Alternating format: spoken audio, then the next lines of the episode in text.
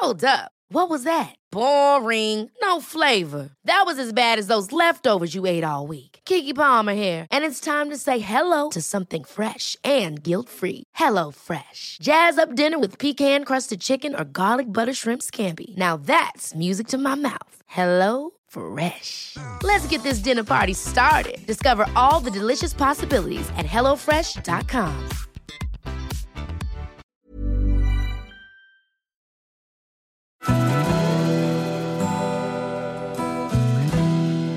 Välkommen till Stora relationsguiden.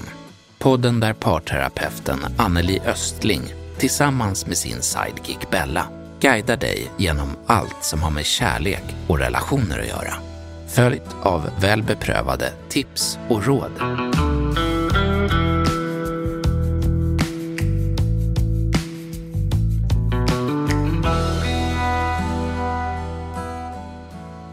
Hej alla lyssnare och välkomna till vårt andra avsnitt av Stora relationsguiden. Idag ska jag och relationsexperten Anneli Östling ta oss an ett ämne som jag tror att många kommer att känna igen sig i. Vi ska nämligen prata om de där stunderna när man antingen känner sig ledsen och besviken i kroppen eller rent av irriterad och frustrerad över att uppleva att partnern inte tänker och agerar som vi själva önskar. Hej Anneli! Hur vill du bjuda in lyssnarna till dagens ämne? Hej Bella! Ja, det finns några tydliga tecken hos oss människor som belyser dagens ämne, nämligen är dina förväntningar för höga och ofta leder till missnöje. Ibland kan det kännas som om din partner bara inte lever upp till allt du hoppats på och drömt om. När er kärlek känns otillfredsställande och gör att du känner dig tom, ensam och olycklig. Ja, om jag förstått det hela rätt så är det en av de vanligaste problemen inom förhållanden idag om ouppfyllda förväntningar. De flesta av oss kastar oss in i relationer hejvilt och med ett öppet hjärta. Men du säger till dig själv att det här, det är den rätta och att du äntligen kommer att ha någon att dela ditt liv med som kan ge dig känslomässig stabilitet. Väldigt ofta går dessa förväntningar i kras. Ibland snabbt och ibland efter några år. Förväntningar och missnöje inom relationer går ofta hand i hand. Ja, och det finns också ett ökat intresse för forskning inom det här området då många människor upplever så stor och långvarig smärta av att hamna i besvikelser som blir ett återkommande tema. Många av oss har redan räknat ut att besvikelse blir en konsekvens av de förväntningar vi sätter upp för oss själva i olika livssituationer. Speciellt med en partner. Ja, men, men Anneli, jag tror att väldigt många förknippar besvikelser med kärleksrelationer och att de ständigt går med en längtan efter något mer. Något annat för att få känna sig älskade, uppskattade och betydelsefulla i sina relationer. Men hur skulle du beskriva besvikelser i relationer som en inledning till vårt viktiga avsnitt idag? Jo, vad din relation faktiskt är och hur du vill att den ska vara kan skilja sig åt. Och glappet här kan skapa både smärta och besvikelse. Det man kan behöva fråga sig är, har min partner någonsin haft förmågan att ge mig det jag helst vill ha? Och kan jag förvänta mig att få det jag önskar mig nu? Och har jag varit tydlig med vad jag behöver och önskat på ett tydligt sätt? Jag har en känsla av att man inte är så medveten om det här som du beskriver. Att man kanske lever på hoppet så långt det går faktiskt. Tills att man märker att det faktiskt inte känns bra och inte blivit som man tänkt sig kanske. Mm. Och jag tror att det är precis så det är. Problemen uppstår när det du förväntar dig inte är det du får. Det faktum att din partner inte uppfyller dina förväntningar kan bero på två anledningar. Den första är att dina antaganden, dina förväntningar om din framtid med den här personen var orealistiska redan från början. Med andra ord, du bäddar själv för ett misslyckande eftersom du förväntade dig det omöjliga. Den andra anledningen är uppenbar. Om dina förväntningar var hälsosamma och kändes normala för dig, men det du upplever inte ger dig den tillfredsställelse som du hade väntat dig.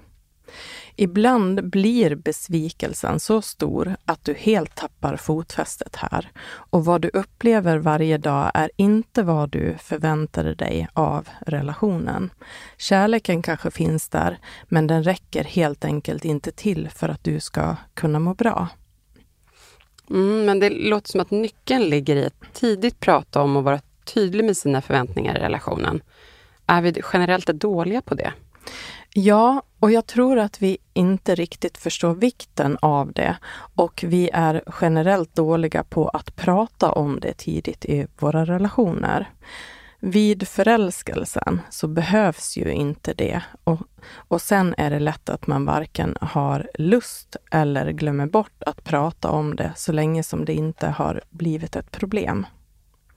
Det är normalt att förvänta sig att partnern inte bedrar dig, att din partner ska vilja vara med dig eller vill vara ett stöd och något du kan räkna med när du som mest behöver det. Det är sällan vi drar det längre än så tidigt i relationen och det kan vara mycket mer än så vi behöver. Ja, men det där låter ju som ganska självklara saker att kunna förvänta sig och vanligt att man pratar om det först när det har blivit ett problem. Ja, men för alla är det inte så självklart och det räcker ofta inte heller. I en relation vill vi ju gärna få mer än vad vi förväntat oss och inte det minst möjliga. Genom att vara rak och våga visa och berätta när du hade önskat eller förväntat dig mera utan att anklaga så blir du tydlig och ger personer omkring dig en ärlig chans att förstå och bli trygga med att veta vad du förväntar dig. Till en partner kan vi behöva vara extra tydliga, tänker jag, och prata om det i förväg för att undvika besvikelser och missförstånd. De allra flesta gör inte det, på något underligt sätt verkar vi utgå från att andra ska förstå våra förväntningar. Kanske för att vi tror att de tänker på samma sätt som vi själva gör. Ja, många gånger så kan man känna att det skulle vara självklart att förstå även för andra. Men det kanske inte är så enkelt. Det är väl där besvikelsen kan komma, tänker jag. Ja, absolut. Och saker som kan kännas självklara och fullkomligt uppenbara för dig kanske inte alls är självklara för någon annan. Och därför borde vi bli bättre på att prata med varandra och uttrycka våra förväntningar tydligt. Annars finns det stor risk för missuppfattningar och besvikelser. Någonting som i längden kan bli konflikter och skapa distans i relationen. Jag tror att det är lättare att sätta ord på sina förväntningar i jobbsammanhang än i privatlivet det är i och för sig individuellt, men generellt mm, kanske. Mm. Men jag tror att man i alla relationer tjänar på att vara tydlig med sina förväntningar. Både på sig själv och gentemot andra såklart. Och Anneli, det här var ju en punkt som du var väldigt tydlig med att vi skulle gå igenom och till och med skriva ner inför att vi planerade vårt samarbete med den här podden. Och jag blev nog faktiskt lite överraskad hur bra och tydligt det blev. Men vad tror du är den största anledningen till att man inte gör det i sina relationer? Jag tänker att det kan vara ett värdefullt verktyg i många olika situationer. Ja, det är en bra fråga du ställer och det kan låta så enkelt men ändå är det så utmanande för många. Jag tror att det kan handla om att man är rädd för att verka krävande eller besvärlig tidigt i en relation. För den som ofta anpassa sig till andra personer till exempel. Men det kan också vara det motsatta med personer som är tydliga med vad de vill och lägger fram det eller bara agerar utifrån vad de själva vill. Ibland är det bra att våga ta för sig, men det kan också bli att hämma en person som har svårare för det. Jag tänker att det är lite av konsten i en relation att vara lyhörd för varandra för att det inte ska skapas obalans tidigt i relationen. Omedvetenhet är nog också en stor anledning till att vi inte tänker på det överhuvudtaget. Ja, jag och min man, vi var inte så bra på det där i början. Men jag är glad att vi har fått en anledning att göra det senare i vår relation, när saker inte riktigt blev som vi båda hade tänkt oss. Tänk att man ska behöva vänta tills det trasslar till sig ordentligt innan man inser hur viktigt det faktiskt är. Mm. Men så du menar att rädslor och omedvetenhet, det kan vara anledningen till att det inte faller sig naturligt att göra det här arbetet? Ja, absolut. Och oftast har vi formats av våra referenser i livet med att anpassa oss eller ta för oss. Alltså vi har lärt oss det i våran familj kanske. Inget är bättre än det andra eller fel. Men om man vill fungera i en vuxenrelation med sin partner så behöver man skaffa sig den kunskapen om sig själv och om sin partner. Obalans är inget att bygga en trygg relation på och det finns enkla åtgärder att ta till så länge det inte har gått för långt. Och när obalansen fått fäste och utvecklats till en ängslig relation som till och med kan ha landat i en maktkamp, alltså om vem som har rätt eller fel eller vilken som gjort mest eller minst, så blir det onödigt jobbigt. Och det är tyvärr vanligt att man hamnar där. Mm. Det där låter ju logiskt, men också som en djupdykning i barndomen. Eh, jag tycker att vi håller oss kvar vid själva ämnet. Jag är nyfiken på att höra mer om förväntningar och vad de kan vara bra för. Ja, det vill man gärna veta. Och eh, det är bra, Bella, att du styr upp det hela här, för jag kan lätt dra iväg annars. Mm. Jag kan ta några tydliga exempel på hur förväntningar kan vara bra. Ja, snälla. Ja. Och genom att ha förväntningar så finns energi och en riktning framåt, tänker jag. Och det är också viktigt att ha sunda förväntningar och kunna ställa krav på sin partner. Att inte ha några förväntningar kan upplevas trist i en relation. Jag inser att det här med förväntningar, krav, besvikelser kan verka lite rörigt och det kan också bli svårt att förstå så länge som man inte har reflekterat över det. Så därför är det ju bra att vi pratar om det här idag. Ja, men det låter kanske lite rörigt och jag, jag tror att många inte ens har reflekterat över den där stora betydelsen med det. Men vad krävs då? Hur ska man ha möjlighet att lyckas göra rätt här? Vissa personer växer upp med det här och det är en naturlig del av att våga uttrycka sin förväntan eller förvåning.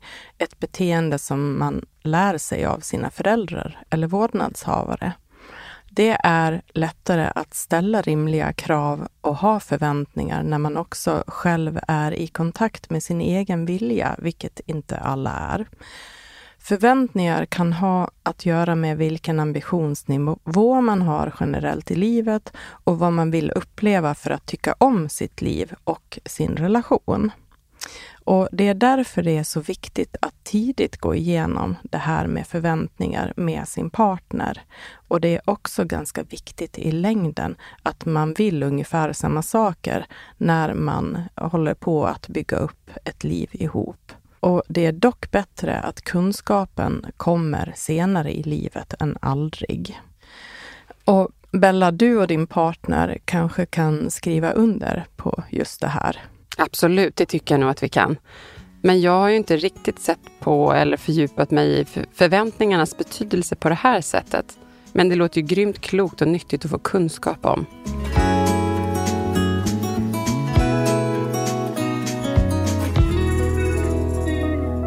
Då kommer nästa fråga. När och hur går förväntningar överstyr och hur kan något så positivt bli fel? Ja, det är en bra fråga och eh, specifikt i en relation så kan förväntningar gå fel om man bygger dem utifrån en egen längtan som man har. Någonting som man vill ha som man aldrig haft tidigare.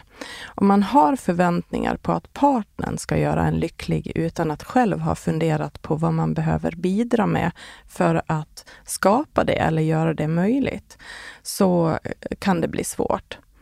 För att Våga ha förväntningar och kunna ställa krav så krävs en del mod och en tydlig känsla för vad man tycker att man själv är värd. Och det är ju också utmanande att, att se sitt eget värde. Och det finns ett klassiskt exempel på när två personer inväntar varandra. Ingen tar något initiativ eller beslut och bara funderar på vad den andra vill. Det här kan fungera, men det kan också bli en rätt trist, energilös relation där det inte händer någonting. Ett annat exempel är när man är otydlig med sina behov och vad man vill och räknar med att partnern ska förstå och räkna ut det. Det som vi brukar kalla den tankeläsande partnern och skoja lite om. Mm. Eh, som sällan finns. Det här leder ju oftast till besvikelser som senare blir problem. Ja, det där är ju sånt man brukar skoja om, speciellt kvinnor som vill att deras män ska vara tankeläsare. De diskussionerna har man ju faktiskt haft på flera middagar. Ibland kan det ju också ligga något i att man kan önska att partnern är lite mer lyhörd för vad man behöver. Händer det så blir man ju överlycklig, men för det mesta kanske det blir mer nog besvikelse. Mm. Har du några fler exempel på det? Ja, det finns såklart det som jag redan tidigare nämnde, när den ena har en stark vilja och driver på medan den andra anpassar sig och till slut blir en blek kopia av den andra. Med tiden brukar det här leda till obalans och eh, frustration när den som tar alla initiativ tröttnar och upplever partnern som viljelös och ointressant. Eller så blir den som har anpassat sig istället irriterad över att alltid bli överkörd och aldrig få vara med och bestämma. Det här kan bli ganska smärtsamt när det tar den här vändningen och då är mönstren så väl invanda att det är svårt att förändra det här och behålla gnistan och tryggheten i relationen. Ja, jag kan ju bli lite matt av att bara höra det här du säger. Det är säkert många som känner igen sig i dina beskrivningar. Det måste verkligen kännas hopplöst när det händer. För oss har det varit mer en dragkamp i min relation då, mellan två starka viljor och det har också varit hopplöst i sig. Men nog om det. Vi går vidare tycker jag. Ska vi ta och lyssna till fakta som beskriver lite mer om omfattningen och allvaret med att leva med besvikelser i sitt liv? Ja, vi gör det. Shakespeare brukade säga att förväntningarna är roten till alla brustna hjärtan. Och kanske hade han rätt. Men det är också så att man ibland kan vilja hålla fast vid vissa egna övertygelser för att hitta stabilitet och glädje, så att man inte går sönder när livet känns osäkert och trist. Detta är en anledning till varför man vägrar tro att ens närmaste på något sätt skulle kunna svika en. Man vill inte tro det helt enkelt. Det finns ett ökat intresse för forskning på neurobiologin bakom besvikelse. Psykologer, psykiatrer och neurologer har under många år undrat över varför det är så smärtsamt med besvikelse. En intressant studie som utförts av Roberto Manilov på avdelningen för neurovetenskap på Kaliforniens medicinska universitet i San Diego visar att känslan av besvikelse styrs av två specifika neurotransmittorer. Dessa är glutaminsyra och GABA, vilka förekommer i mellanhjärnan. Tack vare denna neurokemi har vi förmågan att känna, tänka och bete oss på vissa sätt. Ett intressant faktum är att det är neurotransmittorer som helt kontrollerar vårt humör, bland annat dopamin och serotonin. Ämnet GABA finns naturligt i kroppen och är ett ämne som verkar lugnande och hjälper kroppen att varva ner och motverkar att nervceller överstimuleras. Glutaminsyra har motsatt effekt och ökar stimulansen i kroppen. Vid långvarig stress som till exempel relationsbekymmer, sömnbrist eller sämre kostvanor kan nervsystemet och dess neurotransmittorer hamna i obalans. De fungerar alltså som en gas och en broms, vilket förklarar att det då påverkar kroppen negativt. Ju större obalansen är på grund av stress, desto starkare känsla av besvikelse. Och motsatt, ju bättre balansen är av GABA och glutaminsyra, desto mindre påverkar känslan av besvikelse hjärnan. Klara besked. Vill du må bättre, så se till att ta bort relationsstress och osunda förväntningar i ditt liv.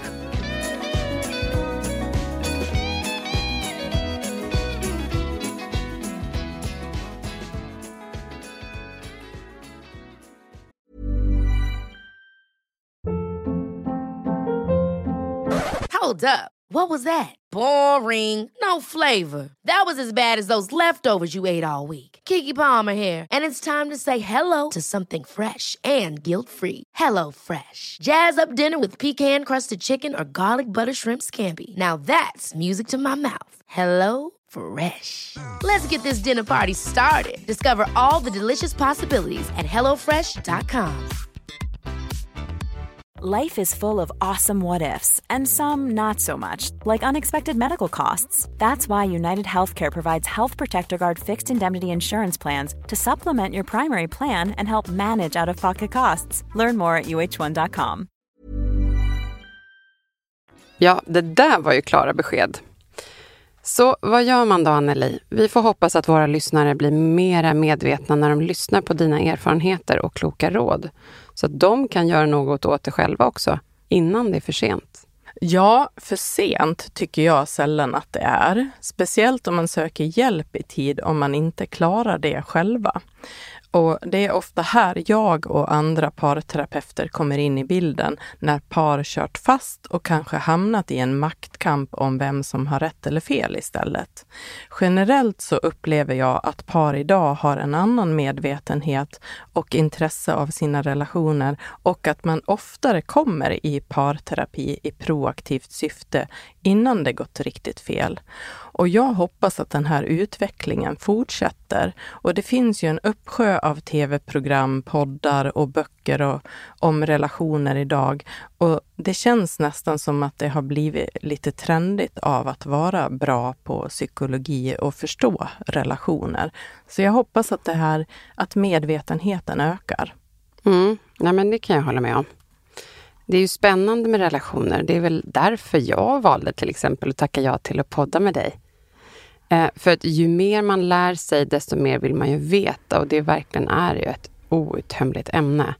Så jag är jättetaggad på att få fördjupa mig i saker med dig som jag aldrig annars skulle lära mig. Det är i alla fall vad jag hoppas. Mm. Men nu är jag nyfiken på, hur kan man hitta rätt balans med förväntningar? Vad händer om man skippar det där med förväntningar då? Ja, att inte ha några förväntningar ser jag inte som ett alternativ. Det kan bli ett problem i sig som kan skapa besvikelse, fast åt andra hållet. En partner som upplever att den andra inte har några förväntningar kan uppleva partnern som oengagerad och dålig på att bidra med egna initiativ och det blir tråkigt. Bakomliggande orsak kan då vara att man känner sig osäker, eller en person som vant sig med att den andra bombarderar eller liksom, driver på med sina förslag och förväntningar som kan bli hämmande. Och då blir det lättare att hålla tyst eller bara åka med. Okej, okay, så är det just det som du menar med obalans? Eller till och med kanske maktobalans? När den ena inte ens vågar och till och med undviker att komma med egna initiativ? Eller bara håller med sin partner? Ja, det blir, det blir det verkligen. Och det finns ju också de som blir sura när de inte får eh, sin vilja igenom. Och det behöver inte betyda att man har en mesig partner, utan bara ett sätt för partnern att behålla ett lugn i relationen. Den här personen tröttnar på att leva efter den andras villkor och möta just det här sura eller irriterade när man inte får sin vilja igenom. Och man tycker inte att det är värt att gå in i den där fighten helt nej, enkelt. Nej. Och, och då kan man istället se, att, se till att stimulera sig genom att göra aktiviteter med vänner eller för sig själv istället. Och den situationen tror jag inte att någon vill hamna i med sin partner. Men det kanske faktiskt är vanligare än man tror. Ja, eh, jag tror det. Och det här är ett klassiskt sätt att glida isär och skapa distans i relationen. För när man väl, när man inte kan eh, eh, ha ett bra förhållningssätt tillsammans mm. och tycka att det känns bra, så, så eh, då hittar man andra sätt helt enkelt. Och, och då blir det distans i relationen. Vad behöver man tänka på då? då? Ja, att ha höga förväntningar är både hälsosamt och skapar energi. Och det hjälper till med att definiera dina egna mål och vad du faktiskt vill kunna förvänta dig av din relation och partner. Och, och det tycker jag är viktigt att hålla fast vid. Att vilja vara lycklig, känna sig älskad och värdesatt är alla positiva och realistiska förväntningar som bygger på en ömsesidig omtanke och respekt. Och det är dock viktigt att inte förvänta sig att saker och ting eh, ska vara perfekt hela tiden. Eh, utan att utmaningarna blir en möjlighet till att lära känna varandra bättre. Och då behöver man ju också vara bra på att hantera utmaningarna. Mm. Mm, nu känner jag att det finns mycket att tänka på här. Jag skulle vilja att du blir mera konkret. Kan du berätta mer om vilka specifika områden där risken är stor att förväntningar leder till stora besvikelser och blir då sen ett problem i relationen? Ja, jag tänkte att den frågan skulle komma, så jag har förberett mig och tänkt till här. Och de absolut första områden som jag tänker på då är dels besvikelsen över att inte uppleva sig prioriterad i relationen. Och det ger då en känsla av att inte känna sig viktig, sedd, uppskattad och värdesatt av sin partner. Ja, nej, så vill ju verkligen ingen känna i sin relation. Nej. Och det kan också uppstå stor besvikelse om engagemanget runt relationen eller barnen, semestrar och högtider inte är ömsesidigt i relationen. Eller om man upplever en ekonomisk obalans och att man har olika syn på ekonomi. Då. Mm. Men det måste ju också kännas ensamt och tråkigt om inte båda engagerar sig i de här viktiga sakerna. Ehm, så därför skulle det vara intressant och givande att få lite mer kunskap inom vilka områden det är vanligast. Kan du inte dela med dig lite av dina erfarenheter så det blir lite extra tydligt för lyssnarna och även för mig för den delen? Mm. Eh, områden som jag upplever att man sällan formulerar sina förväntningar kring är eh, runt intimitet och sex. Och då menar jag engagemang, alltså att ha intresse för att utveckla det tillsammans. Och eh, att skapa en trygg ekonomisk framtid för båda. Eh, samtal om relationens utveckling. Hur vill vi att relationen ska utvecklas och hur vill vi vara mot varandra? Och sen stöd och förståelse för, för varandras jobbiga stunder i livet när det gäller jobb, arbetslöshet, hälsa, konflikter med föräldrar, syskon eller släktingar eller vänner till exempel. Inom de här om områdena är vi sällan förberedda för att vara bästa stödet för varandra. Ja, den där sista punkten brukar man nog inte tänka så mycket på förrän man hamnar i sådana svåra situationer. Och det är väl naturligt, men kanske värt att prata om ändå i förväg. Ja, man kanske till och med skulle känna sig tryggare generellt i relationen om man har pratat om vad man vill kunna förvänta sig och behöva i de här situationerna. Vi är ju olika eh, som personer och vi kan ha olika behov i det.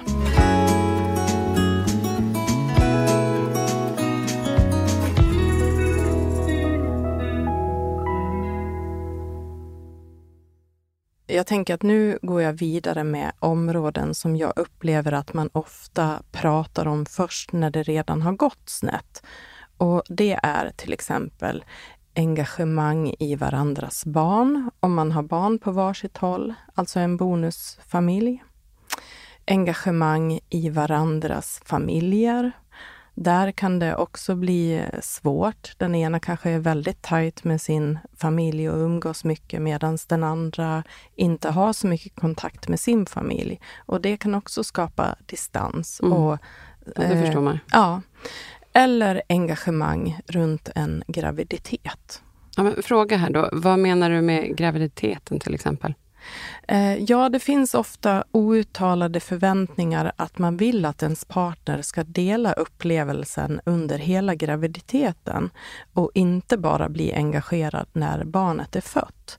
Här har jag Mm. mött Mm. många par där, där, eh, ja, det är ju ofta den som då, kvinnan som är gravid, som kan känna sig ensam i graviditeten, som skulle önska att se sin partner mera engagerad.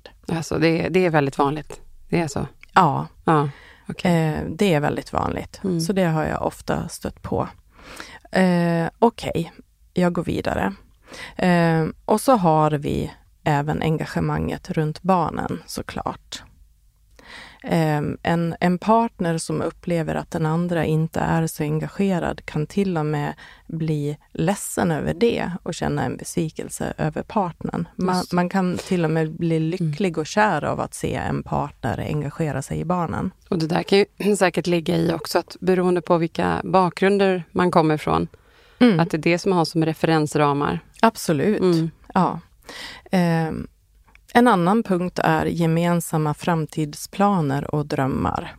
Det är också någonting som kan skapa energi i relationen och eh, hoppfullhet och eh, att, att känna att man delar det där. Mm. Gemensamma framtidsversioner. Det låter stort, ja. men, men det är viktigt. Mm. Och också engagemanget i att bekräfta varandra, exempelvis små kärleksförklaringar. Det är typiskt ett sådant område som man tar upp först när det eh, känns eh, som att man inte har samma syn på det, när, när det inte funkar. Och också engagemanget runt varandras gemensamma intressen. I början är det ganska eh, problemfritt för att då är man så Såklart. intresserad av varandra. Mm. Men sen efter några år så, så kan man känna sig ointressant om, det, om partnern inte har något intresse över eh, vad som är viktigt i mitt liv. Och någonting som man tar upp när det väl känns som en tomhet. Ja, här känner man igen både ett och annat. Eh, men finns det sånt man pratar ofta om, men det ändå går snett? Ja, det finns några områden som jag har ringat in som man tvingas att prata om förr eller senare, som man kanske inte riktigt eh, landar eller tydliggör tillräckligt för att det ska kännas som en överenskommelse. Och det blir lätt en fråga som hänger i luften och det är till exempel gemensamma semestrar. Det är ju någonting som kommer varje år, men som man kanske blir förvånad över att man ändå liksom varje gång behöver dra det igen, liksom, hur man vill ha det på semestern. Högtid... En fråga där. Hur, Ja. hur vanligt är det att... Ja, man, man undrar hur vanligt det är att det är en som är den drivande som vill liksom bestämma upplägget för semestern. Ja, det låter som att du egentligen vet när du frågar så, för det, det är väldigt vanligt att det är en som är till så. exempel projektledaren i familjen. Mm. Eh, och eh, den kan ju ta det största ansvaret och bli till slut ganska trött på det. Och man hade kommit överens om att ja, men eh, vi behöver dela ansvaret under semestern och så sker det ändå inte. Och så får man ta samtalet en gång till. Eh, ett annat sådant exempel är ju högtidsdagar och storhelger inför jul eller eh, ja, jul är väl det vanligaste då, där, där man tjänar på att, att man hjälps åt och där man har tydliga förväntningar på eh, den ena och den andra. Och eh, varandras gemensamma vänner kan vara en annan sak. Och fördelning av ansvar och hemsysslor eh, som man har pratat om, men man har liksom inte kommit överens egentligen. Och sen att kommunicera och prata om relationen. Eh, det, det är någonting som kan pågå ständigt, att man pratar om det, men man landar aldrig riktigt någon form av överenskommelse som kan kännas trygg för båda. Okej, man, kanske, man kanske pratar om det och sen så blir det inte mer än så. Alltså, så du menar att eh, vi pratar om det här, men vi skapar ingen tydlighet i hur vi egentligen ska förhålla oss till dem. Alltså hur vi, eh, vad heter det, mycket snack men ingen verkstad. Ja, Så. precis så. Mm. Och eh, man, man sätter sig inte in i hur viktigt det är för den andra att ha en god känsla i det här. Mm. Ja, förstår du? Ja, man vill inte ha, skriva under ett kontrakt. Nu har vi bestämt att man kan tycka att det där Nej. ska gälla ändå. Nej. Men sen när man, när man har eh, bråkat om det tillräckligt många gånger så är det där man hamnar. Ja, men nu får vi ta och skriva en lista här på mm. vem som gör vad. Och då, då finns det ju ingen god känsla i det heller. Mm. Ja, mm. precis. Mm. Det behöver finnas ett engagemang och en vilja från båda att det ska bli bra för alla. Ja, såklart. Ja. Eh, men det finns många saker att prata om. Även om vi tar upp helheten här så är det nog många som är bra på att prata om de flesta områden men som kanske fastnar i några få. Jag tycker att vi tar och lyssnar på rösterna på stan nu, som du var ute och frågade, så kanske vi får höra hur det ligger till där ute bland folket. Ja, vi gör det. Och jag ställde frågan, vad tror du är positivt och negativt med att ha förväntningar på sin relation? Fördelarna är väl det att man får kanske lite av det man förväntar sig, att man inte på ett sätt nöjer sig lika lätt, att man faktiskt får någonting som man själv förtjänar. Men nackdelarna är väl att man kanske har lite väl höga förväntningar ofta på vissa grejer, hur en person precis ska vara, att den inte matchar precis i din ram som du har tänkt i en relation. Det är farligt, kan bli farligt om man förväntar sig att det ska vara på ett visst sätt eller ska bli på ett visst sätt. Ja, man måste i alla fall eh, prata om det i början för att det ska vara tydligt. Nackdelarna med att ha stora förväntningar och inte kommunicera dem är att man blir ständigt besviken. Fördelarna är väl att, eh, att man har eh, sina egna tankar och idéer om vad man, vad man vill ha. Man, man är säker på vad man vill. Men med det kommer ju att man måste kommunicera det för att andra människor i din omgivning är inte tankeläsare. Vilka bra svar du fick Anneli. Det, det låter som att det finns en stor medvetenhet om det här där ute. Ja, jag håller fullständigt med dig.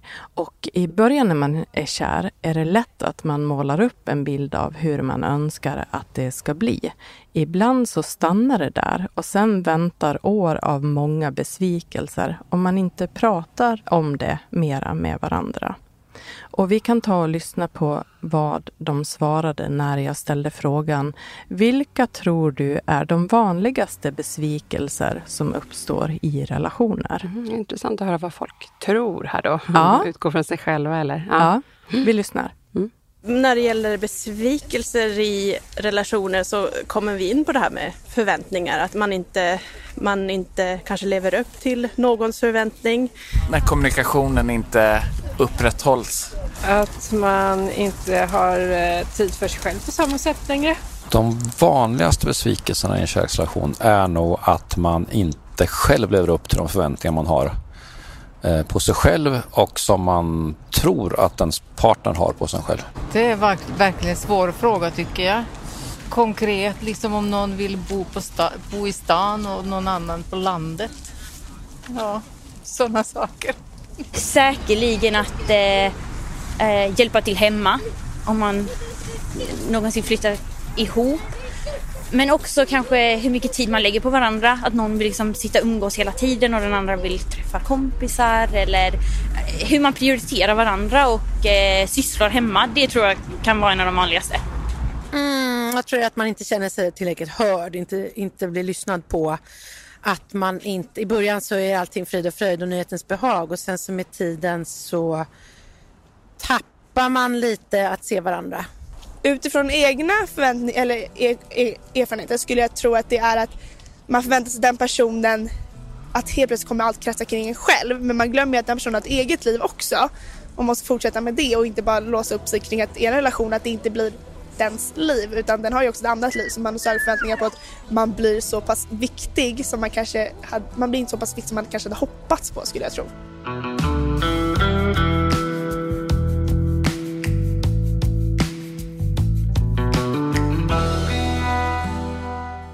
Men det där var intressant att höra. Jag tror att många känner igen sig i de råden som du har tagit upp. Och jag tror också att du har satt fingret på det här med förväntningar och besvikelser på ett sätt som många inte har tänkt så mycket på. Så känner alla, även jag. Mm. Ja, och det tror jag alla relationer kan uppleva mer eller mindre. Orimliga förväntningar som ofta leder till besvikelser är dock motsatsen till att lära sig att förstå varandra och vad som krävs för att båda ska få en skön känsla av varandra, för det vill man ju ha. Och det vi ska förstå här är att man kan aldrig förändra en annan människa, bara förändra sitt eget förhållningssätt som gör att personen förändras i förhållande till dig. Det behövs förutsättningar för att en relation ska utvecklas och fungera efter att förälskelsen har lagt sig. Och det är här rimliga förväntningar kan ge dynamik och energi till en relation för att den ska utvecklas och bygga på sann kärlek och en sann vilja att båda ska kunna må bra. Det här är intressant tycker jag. Jag tror att många lever med tankar om att relationen ska sköta sig själv och när den inte gör det, då känns det ju bara hopplöst. Ja, men många stannar ändå kvar av andra anledningar i relationen, där förväntningarna och drömmarna blir liksom det enda som håller uppe hopp om relationen. Man lever på förväntningar. Det visar sig senare inte fungera så bra. Någonting som oftast ger ett platt fall i form av återkommande besvikelser av att vilja se partnern som någon annan än den är. Man tror att partnern är problemet och om partnern inte vill förstå så ser man ingen väg framåt. Och det här kan ju bli en jättejobbig hopplöshetskänsla. Mm, det kan jag verkligen förstå. Och det är säkert ingen direkt nyhet för många att att det kan se ut så. Men det kan ju vara nyttigt att få en påminnelse om det. Jag tror att många vill höra dina konkreta tips och råd nu. Alltså, eh, hur sjutton gör man? Vad behöver man tänka på för att lyckas vända det här? Mm. Och de här tipsen kommer då att vara lite längre, så nu får ni spetsa öronen. Om du eller ni känner igen er i att det finns stunder av besvikelser i relationen som skapat distans mellan er, försök att kartlägga vad som gör dig och din partner besviken. Fundera också på vilka förväntningar eller vilken längtan som ligger bakom dessa besvikelser. Det är en god start för att veta vad ni skulle behöva prata om. Och ta er tid och låt en i taget få presentera sin bild av vad som skapar obalans och besvikelse.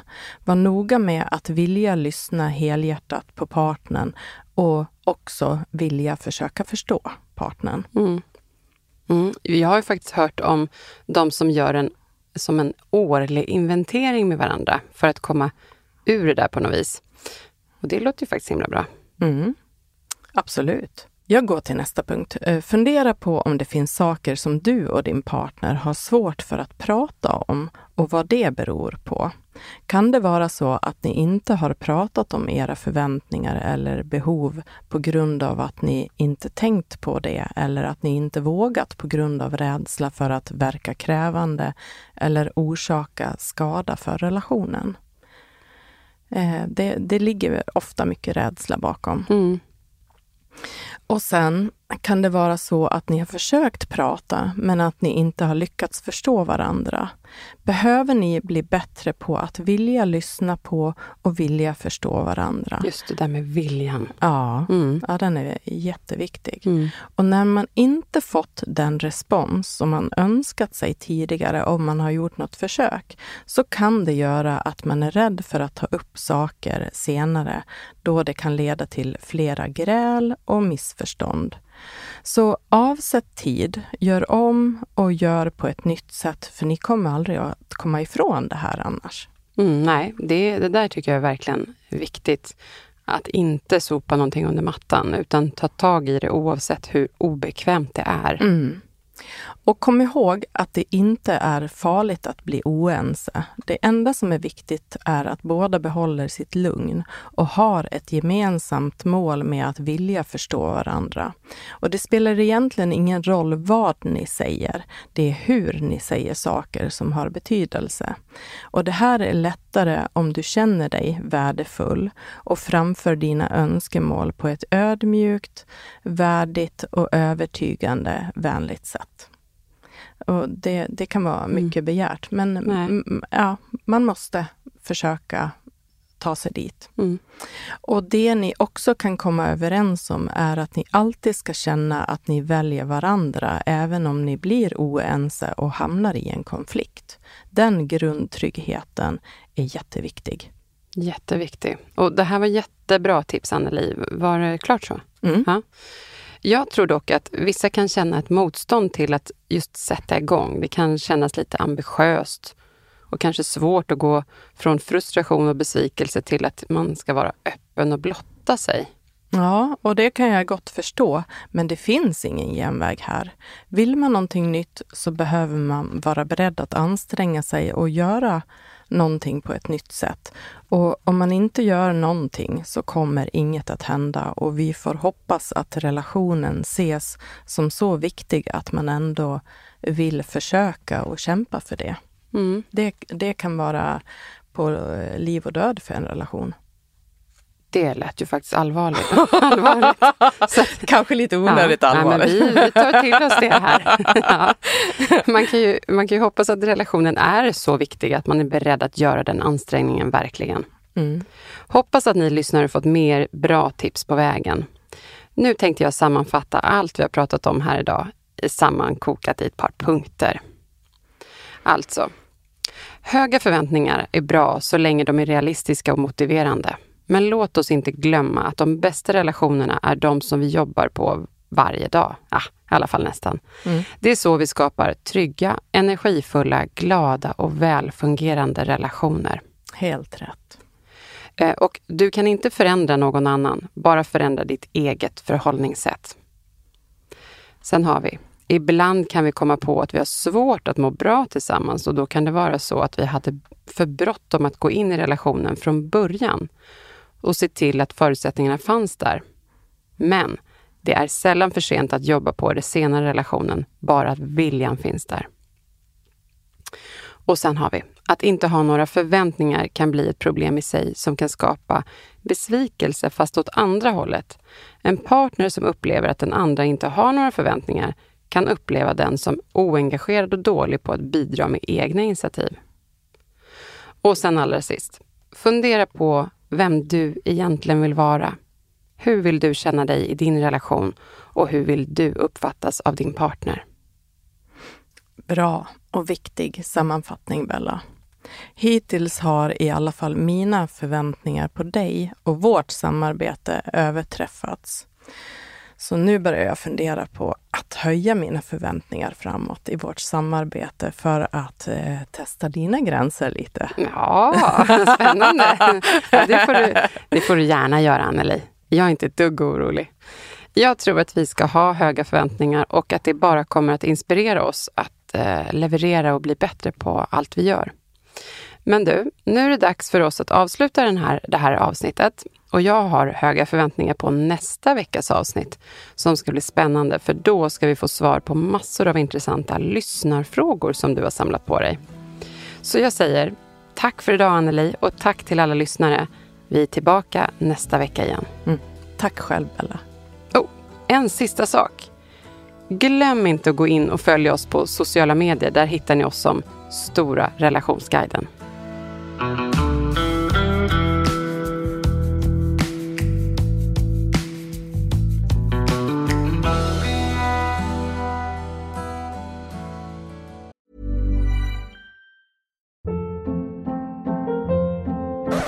up. What was that? Boring. No flavor. That was as bad as those leftovers you ate all week. Kiki Palmer here, and it's time to say hello to something fresh and guilt-free. Hello Fresh. Jazz up dinner with pecan-crusted chicken or garlic butter shrimp scampi. Now that's music to my mouth. Hello Fresh. Let's get this dinner party started. Discover all the delicious possibilities at hellofresh.com.